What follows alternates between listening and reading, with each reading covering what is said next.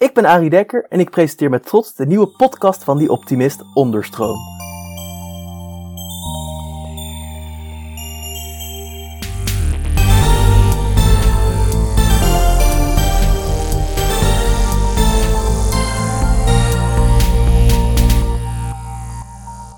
Hallo iedereen! Zoals altijd bieden wij om de week een podium aan mensen en ideeën die meer aandacht verdienen. Vandaag spreek ik met psycholoog Nancy Trop. Hallo Nancy, om te beginnen, Hi. vertel eens wat over jezelf. Hallo eh, Arie, leuk om hier te zijn. Nou, mijn naam is Nancy Tromp. Ik ben inderdaad psycholoog en werk als trainer en coach voor het bedrijfsleven met name. Ik ben moeder van drie, waarvan de jongste 19 is. En ik ben oprichter samen met Meino Zandwijk en René van Hulst van de E-Foundation. Dus ja, de E-Foundation, nou laten we er ook dan gewoon meteen mee beginnen. Want ja, ik moet zeggen, ik denk dat de lezers van ons tijdschrift er al wel eens van hebben gehoord natuurlijk, want het is ook Ja. een artikel geweest in een vorig nummer. Maar wat is de E-Foundation? Misschien toch nog even goed om af te gaan. Ja, nou de E-Foundation is een stichting die zich richt op het begeleiden van jongeren tussen 14 en 24 jaar die één of beide ouders zijn verloren. En eh, die kinderen staan we op verschillende eh, manieren bij. Eh, het is met name gericht op lotgenotencontact. Dus we brengen de kinderen bij elkaar in groepen en bieden ze dan een programma aan van een half jaar waar ze eens in de maand bij elkaar komen. Ah, wat mooi. Nou, ik heb al meteen weer wat vraagjes natuurlijk. Eh, want dat viel me wel op inderdaad. Je zegt het nu ook al zelf. Heel erg duidelijke afbaking van 14 en 24, dat het daartussen Ja. zit. Waarom dan die afbakening? Is het als ik 25 word opeens niet meer belangrijk om lotgenotencontact te hebben? Of, eh, Ja, dat is een hele goede vraag. Kijk, het idee voor de E-Foundation is ontstaan bij mijn man. Mijn man is in eh, 2017 eh, overleden aan longkanker en hij is zeven maanden ziek geweest. En in die periode maakte hij zich met name zorgen over de kinderen. Want als vader wil je natuurlijk je kinderen gewoon nog bijstaan bij loopbaankeuzes. Je wilt ja, je wilt ze advies geven over het leven. Je wilt ze bijstaan op het gebied van schoolkeuzes. En onze dochter viel ook met name in die leeftijdsgroep. Dus dat is ook voor hem heel belangrijk geweest. Want hij dacht van ja, als ik hiermee zit, zullen er natuurlijk heel veel vaders en moeders die in dezelfde situatie zitten als ik, zich ook zorgen maken over hoe gaat dat met mijn kinderen eh, die net begonnen zijn aan de middelbare school en eigenlijk nog een hele weg te gaan hebben. Dus dat, dat is één kant van het verhaal. En aan de andere kant eh, merk je ook dat voor met name pubers het heel erg moeilijk is om passende hulp te vinden. Want eigenlijk past de puberteit helemaal niet bij rouwen. oh, Want in de puberteit wil je je verzetten tegen je ouders, wil je aansluiting vinden bij leeftijdsgroepen, wil je samen zijn met je vrienden, wil je niet anders zijn dan anderen. En dat ben je natuurlijk wel op het moment dat je vader of moeder overlijdt. En je ziet ook bij deze groep jongeren dat ze het heel erg lastig vinden om dingen echt te delen met hun vrienden. Want die zitten natuurlijk ook in een hele andere oriëntatie of hebben een hele andere oriëntatie. En tuurlijk. Ja, en weet je, die zijn er allemaal bij de begrafenis en je kunt bij hun wel terecht, maar het echte begrip heb je natuurlijk niet bij je, echte, ja, bij je, bij je vrienden, want die kennen dat gevoel niet. Dus het gevoel van eenzaamheid op de middelbare school is groot. En je ziet dat als jongeren wat ouder worden en ze bijvoorbeeld gaan studeren, hogeschool of universiteit, dat er eigenlijk weer zo'n fase begint. Want als je gaat studeren, dan ja, ik, ik noem het zelf wel eens, dan loop je met een geheim. Hmm. Het geheim is dat je geen vader of moeder meer hebt. En het is natuurlijk niet zozeer een geheim, maar het is ook lastig. Ga je nou als je aan het hospiteren bent meteen in het eerste gesprek tegen je medestudenten zeggen dat je vader is overleden? Of wacht je daar nog even mee? En is het nog normaal om daar een half jaar later op terug te komen? Dus het verhaal vertellen is met name voor studenten ook lastig. En ook omdat de nieuwe mensen die je gaat ontmoeten eigenlijk geen sentiment meer hebben rondom je vader of moeder. Want die kennen ze. Ja, op de middelbare Ja. school kwam je nog wel eens thuis bij je met je, ja, dan kwam je thuis, eh, vrienden komen thuis, vader en moeder zijn bekend. Maar als je gaat studeren, ja, dan heb je geen vader meer. Maar je nieuwe vrienden weten natuurlijk niet hoe hij was. Nee, precies. En delen dus ook niet dat verhaal. En dat zorgt eigenlijk ook weer voor een nieuwe eenzaamheid. Jeetje, wat heftig zeg. En ook, ook wel heftig, want dat zeg je nu natuurlijk bijna een beetje tussen neus en lippen door, doe je niet echt. Maar dat dat is van je man, nou, dat vind ik ook wel heel mooi dat hij dan dus een soort van, nou, zijn laatste ademstocht dit dan nog opzet. Want dat vind ik heel knap. Want dat was natuurlijk ook, want ik, had, ik heb natuurlijk ook wel een beetje over ingelezen. Het was dus zo dat hij ermee begon, toch? Hij legde de zaadjes en toen hebben jullie het eigenlijk uh, na, na, zijn overlijden voortgezet. Nou, dat vind ik ook heel nou, dapper zeg. Nou, dat moet ik wel, vind ik wel dat het even mag worden gezegd. Ja, nou, wat lief uh, ja. ja, nou, maar dat is toch ook echt zo, jeetje. En ook, uh, ook voor jou een zware tijd. Dan moet je ook nog helemaal een ding opzetten. Nou, poeh. Maar heel goed, want ik denk ook dat jullie doen heel mooi is. Want wat het dus een beetje is, als ik het goed zelf begrijp. Want ik, in een vorige podcast ja. hebben we het al een beetje gehad over het feit dat ik ook wat problemen met mijn vader. Ik snap denk ik ook wel wat je bedoelt met dat je niet echt herkenning voelt. Want dat jij dan denk ik dus, wat jij bedoelt, wat er dan dus gebeurt, is dat je, ja, altijd bijvoorbeeld als ik begin over het feit dat ik niet contact heb met mijn vader, zegt iedereen altijd, oh, maar dan zoek je toch gewoon weer, dan bel je hem toch gewoon. Dan zeg je toch gewoon, vader, uh, ik hou van je, het komt wel goed. En ik denk misschien dat dat ook wel bijna een beetje hierop toepasselijk is. Dus ik denk dat die kinderen dan, als je echt je ouder bent verloren, er eigenlijk niemand is. Iedereen, het, je kan het je niet voorstellen. En dat is denk ik ook ergens iets moois, zeg ik altijd. Ook als mensen over mijn vader zeggen. Van ja, ik ben blij voor jou dat jij je nooit zou kunnen voorstellen hoe het is om nou, geen vader te hebben. Ja. Maar ja, het is natuurlijk wel ook daardoor heel eenzaam. En ik vind dat wel interessant, want jij zegt dus dat dat dan voor een deel dus komt doordat nou, de kinderen ja, dat dus de nieuwe vrienden van de kinderen nooit de ouders hebben gekend. Maar wat ik me dan een beetje afvraag. Want jullie hebben dus, nou, laten we ook ons gaan focussen op de groep. Want je hebt natuurlijk nu heel mooi het probleem geschetst. Dus dat er een soort eenzaamheid, isolatie komt. Wat is dan, ja, bijna een beetje, het klinkt misschien een beetje zo, maar dan het verschil met iemand anders die ook het heeft meegemaakt, maar dan wel op een hele eigen andere manier. Hoe is dat dan, hoe brengt dat troost, ben ik benieuwd naar.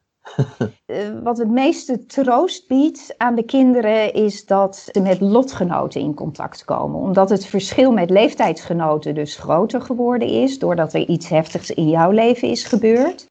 En uh, doordat ze bij, uh, met lotgenoten in contact komen, zien ze dat er meer kinderen zijn die hetzelfde hebben meegemaakt. En dat kinderen ook soortgelijke thema's hebben.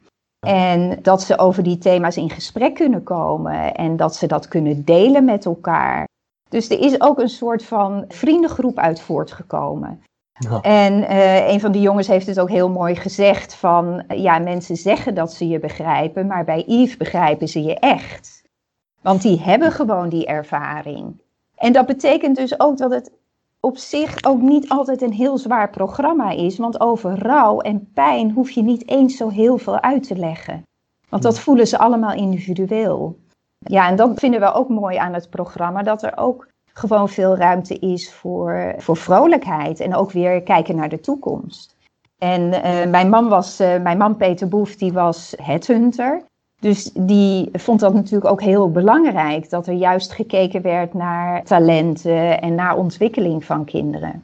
En ja, dat zien we dus ook in het programma terug. Dat ja, het lotgenotencontact is de basis, waardoor een hele hoop dingen herkenbaar zijn. Maar er zijn wel een aantal thema's bijvoorbeeld die heel erg gedeeld worden door de kinderen. Bijvoorbeeld het thema schuldgevoel of ruzie die voortkomt uit het overlijden. Of ja. kinderen hebben ook gewoon puberproblemen. En dat is natuurlijk ook een rode draad. Ja, los van deze thema's gaan we ook kijken van wie ben jij als persoon? En wat zijn nou jouw talenten? En in wat lijk je op je vader en wat lijk je op je moeder? Maar wat heb je eigenlijk van jezelf? En wat zijn de keuzes die je daarmee kan maken voor school, voor werk, voor baantjes die je nu kan gaan doen naast je studie? En ja, en het, het, het gaat dus ook wel over zingeving. Ja, want wat kan je er verder ook mee doen? Kijk, eh, voor mijn dochter is het heel veel zingeving dat wij de E-Foundation hebben. En eh, zo zijn er ook jongeren die hebben deelgenomen aan het programma, die zich op een andere manier inzetten voor rouw of andere jongeren. Met bijvoorbeeld het programma Maskers Af, hè, waar oh. voorlichting wordt gegeven aan scholen. Dus ja, het heeft eigenlijk drie bestanddelen. Rouwverwerking of het in gesprek komen over thema's. Wat zijn je unieke talenten en ook uh, zingeving.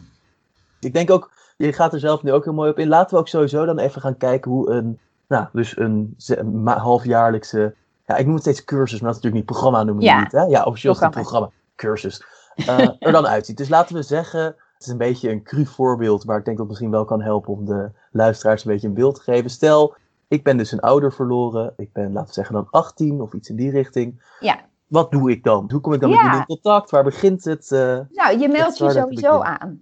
Hmm. En dan hebben we meestal even telefonisch contact, waarin ik ook even wat toelicht over het programma. Nou ja, wat, wat je allemaal kan verwachten, wanneer het eerstvolgende programma start. Daarna word je ingedeeld voor een programma. En dan vindt er formeel een intakegesprek plaats. Dus dan willen we even weten van, nou ja, wie ben je? Wat heb je meegemaakt? Waar zit je het meeste mee? Waar heb je de meeste ondersteuning bij nodig?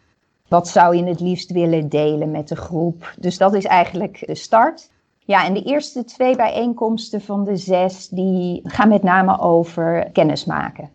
Kijk, de basis van lotgenotencontact is dat je elkaars verhaal kent. En dat je luistert naar elkaars verhaal. En dat je daar ook wat, uh, wat vragen over stelt.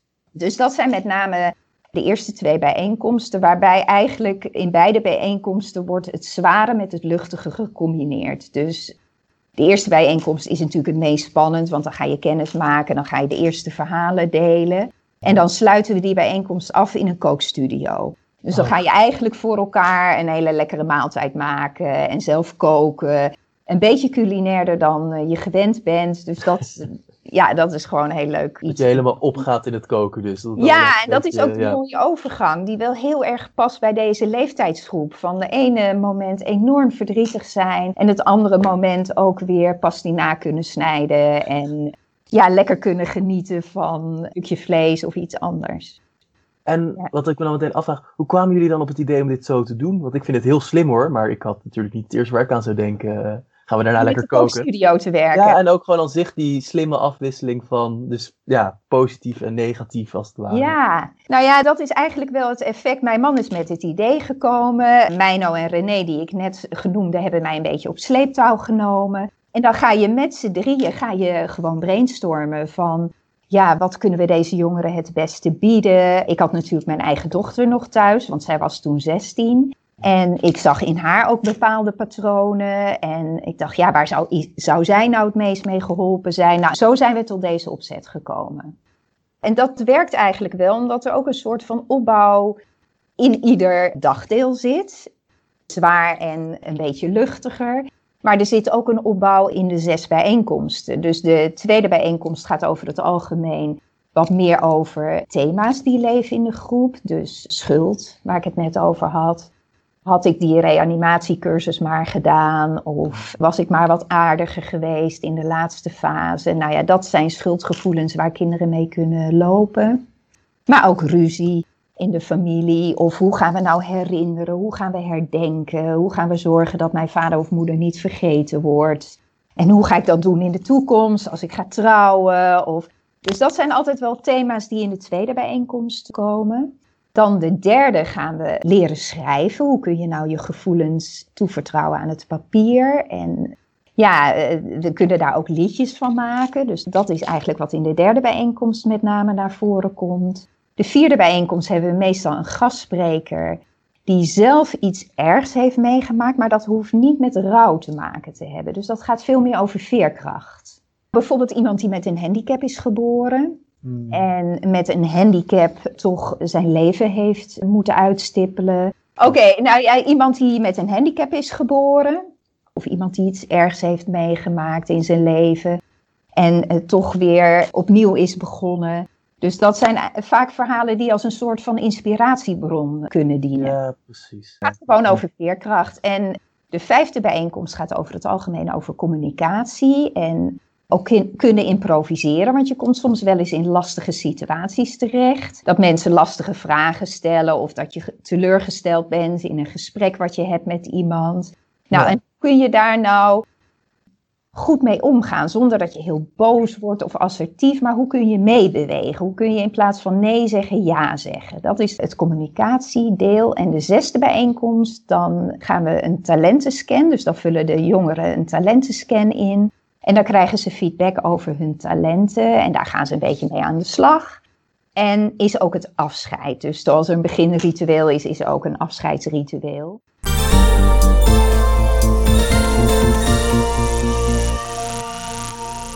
Ja, je ziet ook dat jongeren van de eerste groep nog steeds contact met elkaar hebben via WhatsApp. En dat is natuurlijk heel erg leuk dat ze elkaar ook nog een beetje kunnen steunen bij dingen die allemaal komen gaan. Want je zei een talentscan. Ik bedoel, je zegt, jij hebt het waarschijnlijk al zo vaak gedaan.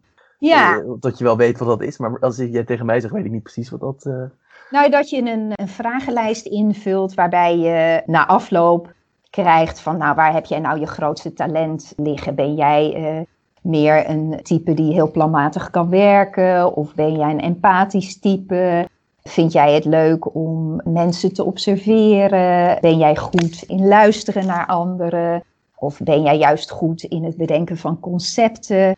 Dus dat je ook een beetje gevoel krijgt waar jouw persoonlijke kracht ligt. En dat kan natuurlijk aan de basis liggen van loopbaan, ja, van schoolkeuzes, profielkeuzes en ook studiekeuzes. Dus daar zie ik ook wel al meteen inderdaad hoe dat dan...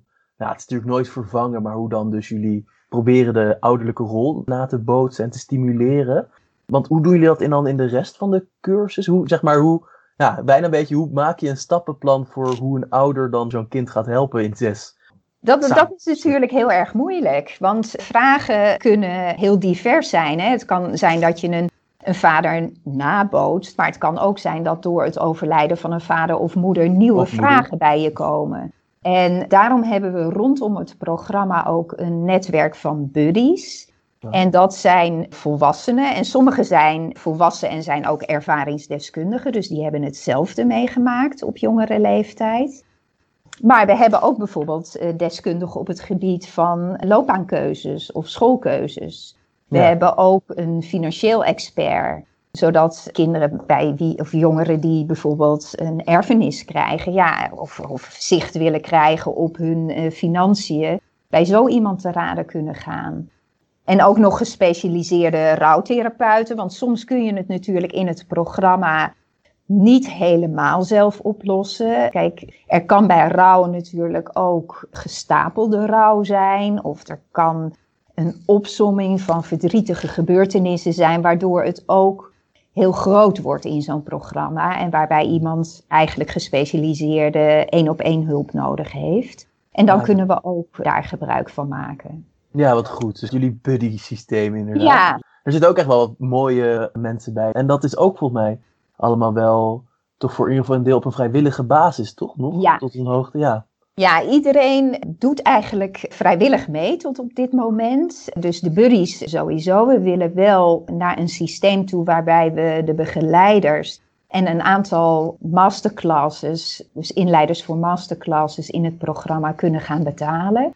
Omdat ja, het natuurlijk ook heel veel zorg wegneemt voor de overgebleven ouder, dat het professioneel is. Ja, tuurlijk. Dus de begeleiders van zo'n groep, ja, dat kan niet iedereen. Daar stellen we wel de eis aan dat mensen gediplomeerd zijn, een opleiding hebben gevolgd in die richting, ervaring hebben op dit gebied.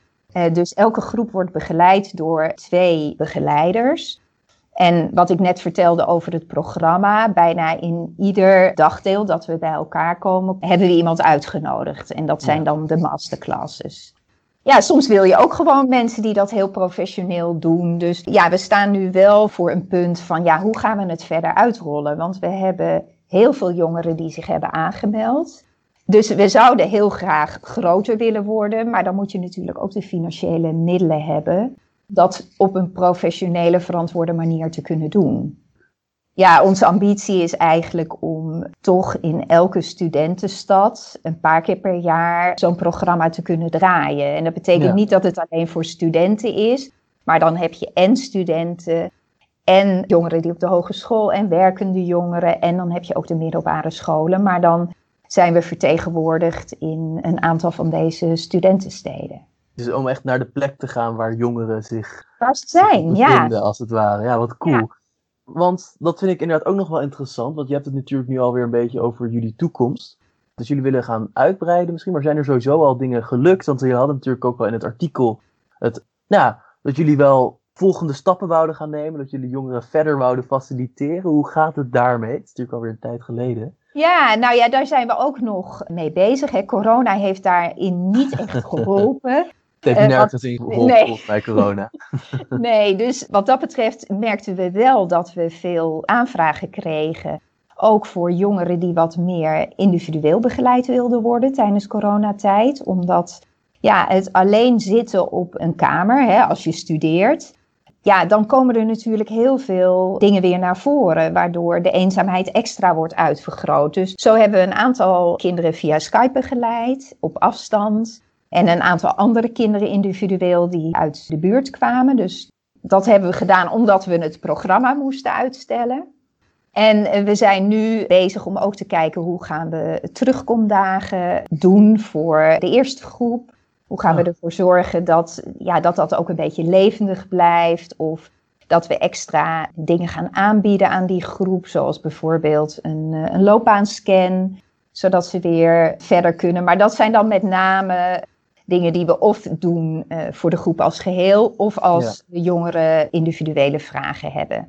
Ja, de impact die het heeft, is dat ze met heel veel plezier, ja, daar voor, uh, voornamelijk met plezier op terugkijken. Als zijnde van, nou, dat was gewoon een fijne periode en we hebben goed kunnen praten. Ik heb geleerd om te praten. Ik heb geleerd dat het goed is om mezelf te uiten. Dat zijn met name wel de effecten die we terug horen. Dat hopen we ook. Dat we gewoon kinderen aanzetten tot praten. Dat ze, dat ze leren dat hun emoties ertoe doen. Mhm. Want van nature hebben jongeren ook een soort strategie. Die gaan gewoon door. Er zijn eh, jongeren die heel veel hebben meegemaakt, maar gewoon hun middelbare school in één keer hebben gehaald, gewoon door zijn gegaan met studeren, helemaal geen uitval hebben gekend. Maar dat is niet per definitie goed voor de langere termijn natuurlijk. Het is af en toe ook heel goed om stil te staan bij, ja, wat, wat, wat heb ik nou ervaren en hoe praat ik daar het makkelijkste over? Hoe kan ik ook anderen een helpende hand uitreiken om erover te praten met mij of weer met anderen. En ja, wij denken dat dat op termijn ook wel burn-outs en dat soort zaken op latere leeftijd kunnen, eh, kan ja, worden precies. Nou, dus jullie vangen het eigenlijk gewoon al goed op voordat het een probleem wordt. Zover het natuurlijk, ja. Ja. Ja, toch? Jullie gaan er gewoon uh, goed in, als het ware. En zorgen gewoon dat echt het kind alles kwijt kan en kan doen dat het nodig heeft om zich goed te voelen en om gewoon weer door te kunnen. Ja. En uh, dan snap ik inderdaad ook wel dat dat op latere leeftijd zeker gaat helpen. Ja, ja wat super.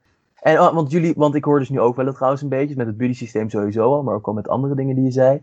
Uh, dus dat verder faciliteren. Het houdt dus niet op, want dus een kind kan gewoon weer contact met jullie opzoeken als hij uh, ja. ergens aanloopt. Wat mooi. Ja, ja, en dat vinden wij heel belangrijk. En ja, kijk, uiteindelijk vinden we het ook leuk als de jongeren die zelf hebben deelgenomen aan het programma ook weer een rol kunnen vervullen voor andere groepen.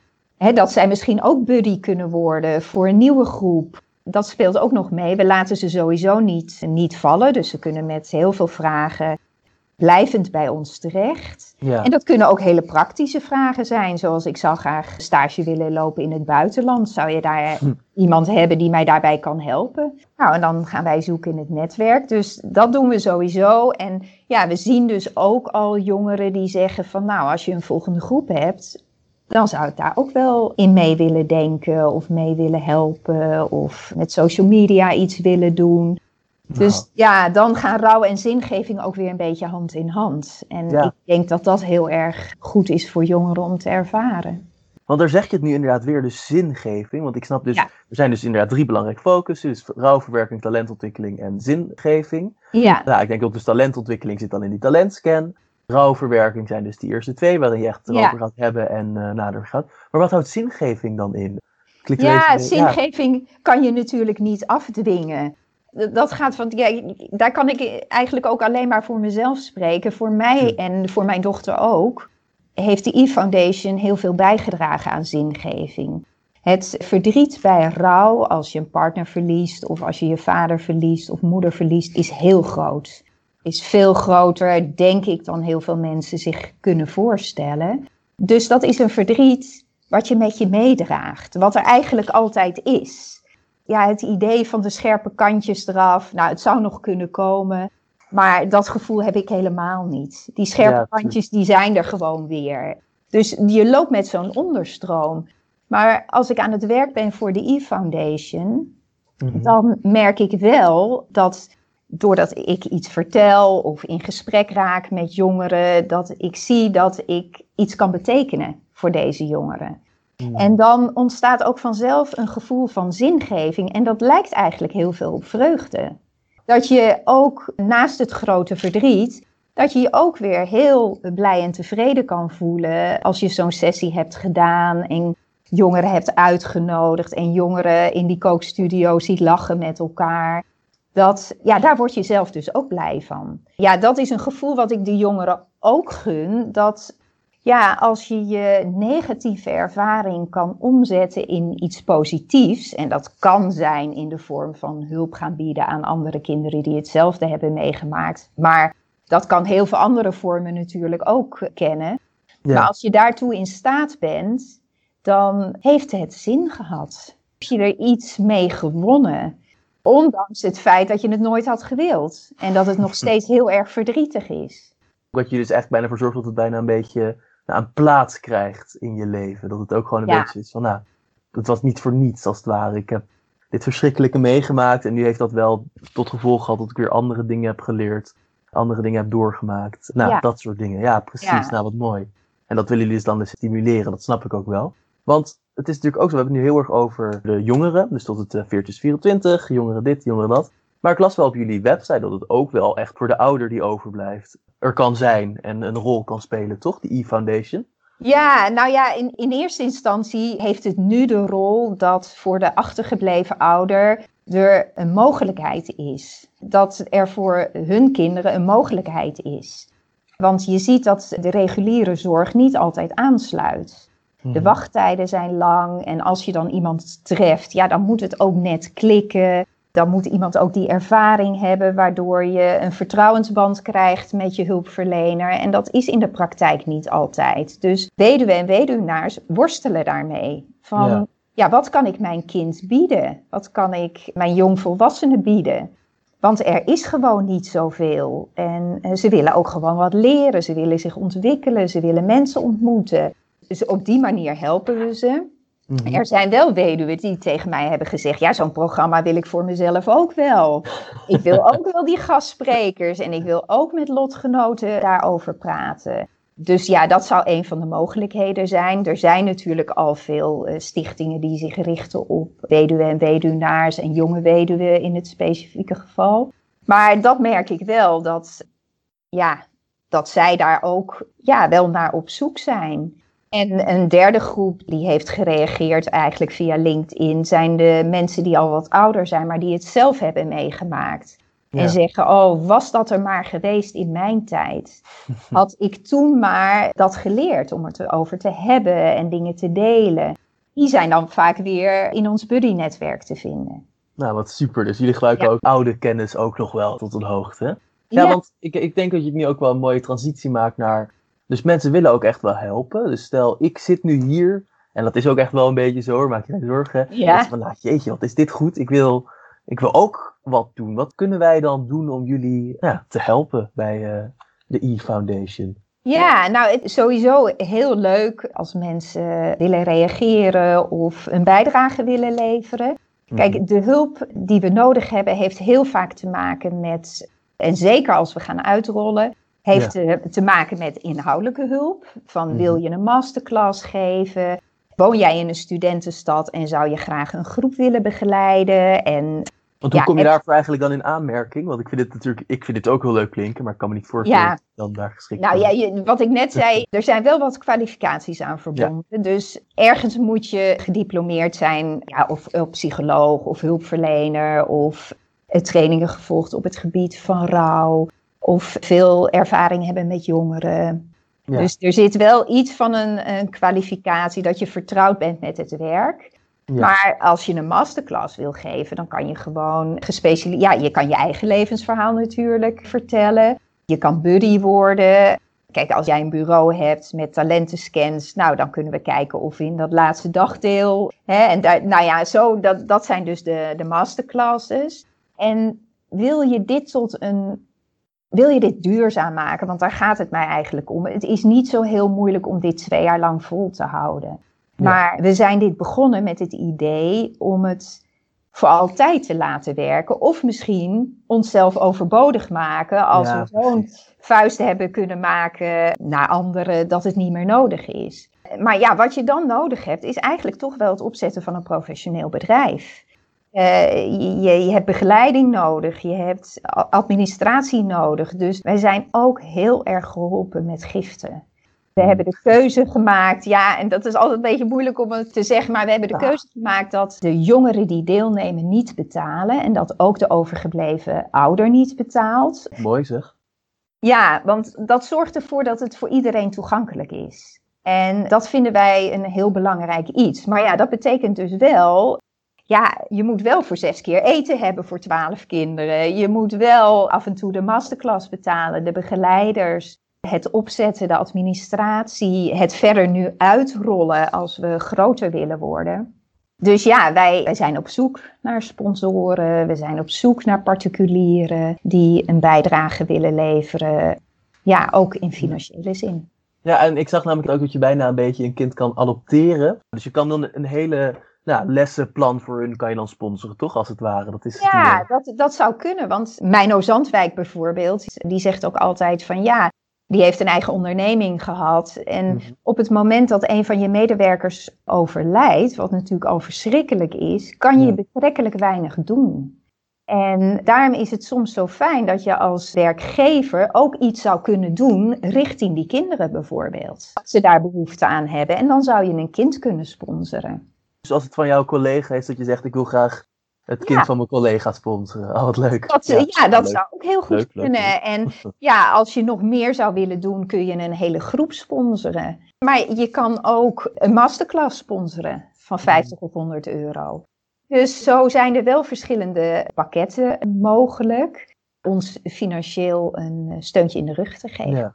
En gaat het eigenlijk, het gaat hopelijk wel een beetje goed met jullie eh, foundation. Is het een beetje ja, blijft het drijven als het ware, zelfs met... Ja, nou ja, zelfs in coronatijd blijft het drijven. We hebben al een wachtlijst die groot genoeg is dat we met de volgende groep kunnen starten. Oh, wat fijn. We hebben initiatieven nu lopen in Amsterdam om daar met een, een nieuwe groep te gaan eh, starten, ook met andere begeleiders. Ja. Dus ja, we hebben heel veel ambitie. En ja, en eigenlijk wordt die ambitie ingegeven door de aanvragen van jongeren. En dat gold eigenlijk ook al voor de eerste groep. We waren nog in de planfase en in de ideefase. En toen hadden we al tien jongeren. Die zeiden van, ja, wat je ook gaat doen, maakt mij niet zo heel veel uit, maar ik doe mee. Dus ja, dat heeft ons enorm gesterkt. En dat is eigenlijk nog steeds zo. Ja, dus, dus eigenlijk is er ook gewoon echt heel veel enthousiasme vanuit nou, de community, vanuit mensen die dit nodig hebben. Ja, en vanuit jongeren die dan tegen andere jongeren zeggen van joh, daar moet je je voor opgeven, daar heb je wat aan. Dat is gewoon een hele fijne groep om bij te zijn. Ja, en dat is natuurlijk de, ja, het mooiste om terug te horen. Nou, zeg wat mooi. Ik vind dit echt een super initiatief. Nogmaals, ik had er al een beetje over geleven, lezen en zelfs dan zit ik nu nog steeds met ademloos bijna ja. te luisteren. Dus echt, ja, heel goed bezig. En ik zal ook, uh, maar dat zeg ik meestal ook in het outrootje, maar ik zal het ook vast nu zetten. Voor de luisteraars een klein linkje in de beschrijving zetten, zodat ze dan, uh, nou ja, jullie website kunnen vinden. En uh, als ze het zelf kunnen veroorloven, ook een steuntje in de rug kunnen geven. Nou, ja. Echt nou, super, heel erg bedankt. Ik vond het echt super interessant dus. Ja, jij ook heel erg.